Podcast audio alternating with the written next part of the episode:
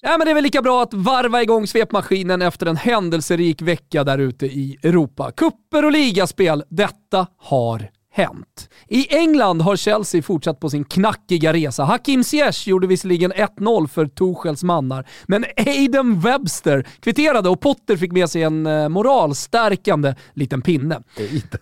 Vad sa du? Aiden. Aiden. Det var dock på Tänker, onsdag... Adam. tänker du att det, det engelska uttalet är Aiden? Nej, det gör jag faktiskt inte. Det var Mulligan. Det var dock på onsdagskvällen som det verkligen smällde. Inte minst i rubrikväg. Spurs såg länge ut att förlora borta mot Leicester, men till skillnad från Brentfords danskar hade nyförvärvet Braithwaite slipat på siktet. Inte nog med att han kvitterade på stopptid innan domaren hade blåst av, så hade han även prickat in 3-2 och Spurs Braithwaite? klättrar i, händer? i tabellen. Bergschwein? Ja, vad sa jag då? Braithwaite? Ja, men det kan vi faktiskt ta om. Eh, sorry, Bergwijn. Spurs såg länge ut att förlora borta mot Leicester, men till skillnad från Brentfords... Eh, men... Eh, är han dansk? Nej. Nej, exakt. Varför, var fick jag det här ifrån? Nej, jag kollar snabbt. Ah, ja, jag säger så här. Spurs såg länge ut att förlora borta mot Leicester, men... Dansk. Ja, Alltså, jag, jag vet inte vad jag hade gjort här alltså. Fick för mig att han gått in. Ja. Spurs Aidan. Mulligan. Braithwaite såg länge ut... Alltså det går inte det. Spurs såg länge ut att förlora borta mot Leicester, men... Spurs såg länge ut att förlora borta mot Leicester, men Bergwijn ville annat. Han kvitterade på stopptid, men inte nog med det. Han prickade även in 3-2 och Spurs klättrar i tabellen. Som någon lustig på Twitter uttryckte det, Leicester hade mått bra av Afghan-domaren. Ni vet han som blåste av efter 9.50. Ja, ja, ja.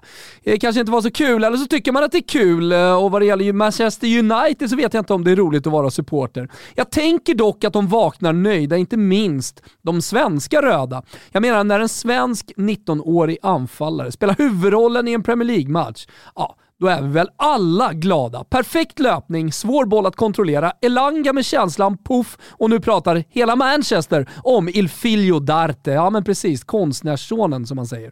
Efter matchen blev det kärleksbild med Pontus Jansson, farsans gamla lagpolare. På den tiden då Ponne var en liten pojke, precis som Elanga idag. Och givetvis kom även nostalgibilden. Bucklan, farsan, Pinny! Och en mini-Elanga. Nej men helvete vad kär man blir. Nästan lite gråtmild Gugge. Jag vill inte prata om United eller det danska helvetet som är Brentford. Jag vill bara mysa med Ponne och Elanga. Vilken fart, vilken energi, vilken rolig framtid vi har att se fram emot alla svenskar. Ja, inte när det gäller Punny, men eh, Elanga alltså. Den nya generationen gör avtryck och de tar över på kontinenten. Det är så fint. Elanga, Isak, Svanberg, Kulusevski. Äh men kom så då generation Z. Kom så. I La Liga har Celta Vigo vunnit bekvämt mot Osasuna i veckan. Barcelona har fått sin match inställd och Valencia kryssat mot Sevilla. Och Real Sociedad har faktiskt gjort livet surt för Atletico Madrid som inte får rätt på den här säsongen. Detta var i Copa del Rey, ett Real utan Isak, men framförallt undrar man vad som ska bli med Atleti nu framåt. Jag ser en avsaknad av Godin i toppslag, så som det var då, med honom som tydlig ledare. Förra säsongen var Jan Oblak omänsklig, Kanske dopades Atleti något av det. I år är han mänsklig, inget fel. Men spets saknas i ledarledet där bak. På tal om kuppspel förresten, i Italien har det spelats åttondelsfinaler i Coppa Italia. Var det odramatiskt, energisamlande, trött jävla kuppfotboll? Nej då, Tvärtom. I Emilia Romagna slog Sassuolet på nyttfött Cagliari där förlusten blev dubbelt jobbig efter att Pavoletti knäcklat till nyckelbenet och lär bli borta ett tag. Men det där jävla nyckelbenet. Å ena sidan känner man, äh, nyckelben, det är väl milt. Å andra sidan känner man att en nyckelben, ja, det är början på en nyckelbensresa utan slut. Är det inte så? När nyckelbenet väl kommer så lämnar det aldrig. Förbannade jävla nyckelbenet.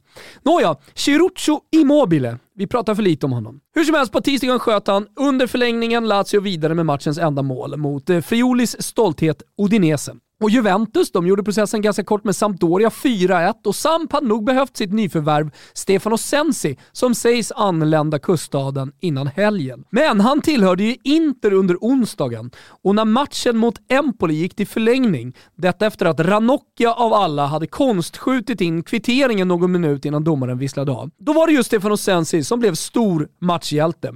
Vilket sätt att ta farväl på grande, så att säga. Ikväll ska kvartsfinallagen bli åtta då den mysiga lilla matchen Roma-Lecce fullgör åttondelsfinalsrundan. Tune in va? Tune in. Avslutningsvis då, eh, ska vi titta till baguetterna? Nej, det ska vi nog inte göra. Vi kör Afghan istället. Hur ser det egentligen ut? Äh, men I grupp A imponerade Kamerun. Kanske föga förvånande då motståndet hette Burkina Faso, Kap Verde, Etiopien. Sju pinnar och gruppseger hur som helst. De tar med sig Burkina Faso till nästa runda. Grupp B vinns av Senegal och, det är det här du snackar om Gusten, det är kanske inte så konstigt, men kikar man in lite lätt, lite lätt va, på deras prestationer blir det anmärkningsvärt. 1-0 mot Zimbabwe, som man följer upp alltså med två stycken 0-0 mot Guinea och Zimbabwe. Smått otroligt, 1-0 i målskillnad. Nåja, det verkar vara ramstarkt i alla fall. Malawi också vidare. I grupp C vinner Marocko väntat, dock oväntat med Ghana. Black Stars va, som viker ner sig totalt. Två torskar och en oavgjord är inte okej okay om man heter Black Stars, som ryker alltså redan i gruppen. Ghana med Thomas Partey, Jävbröderna och så vidare. Nej, det håller inte. Röda kort och skit har man helt enkelt inte råd med i mästerskap. Men visst, grattis till Gabon då som är vidare. I grupp D imponerar Ienachos och Ivobis Nigeria som går rent före Salahs Egypten. Och där tar eh, gruppgenomgången någonstans slut. För ikväll väntar stor dramatik. Håll i det här nu Gugge. Grupp E och Grupp F ska avgöras. Vem ska bort av Mali, Gambia, Tunisien? Cote d'Ivoire kan skjuta bort Algeriet som gjort ett bedrövligt mästerskap så här långt. Men en sak vet man i alla fall inför kvällen. Ingen kommer gå oberörd från kvällens avslutande gruppspelsmatcher, för Afghan lämnar oss aldrig besvikna. Tune in sa jag Gugge! Tune in!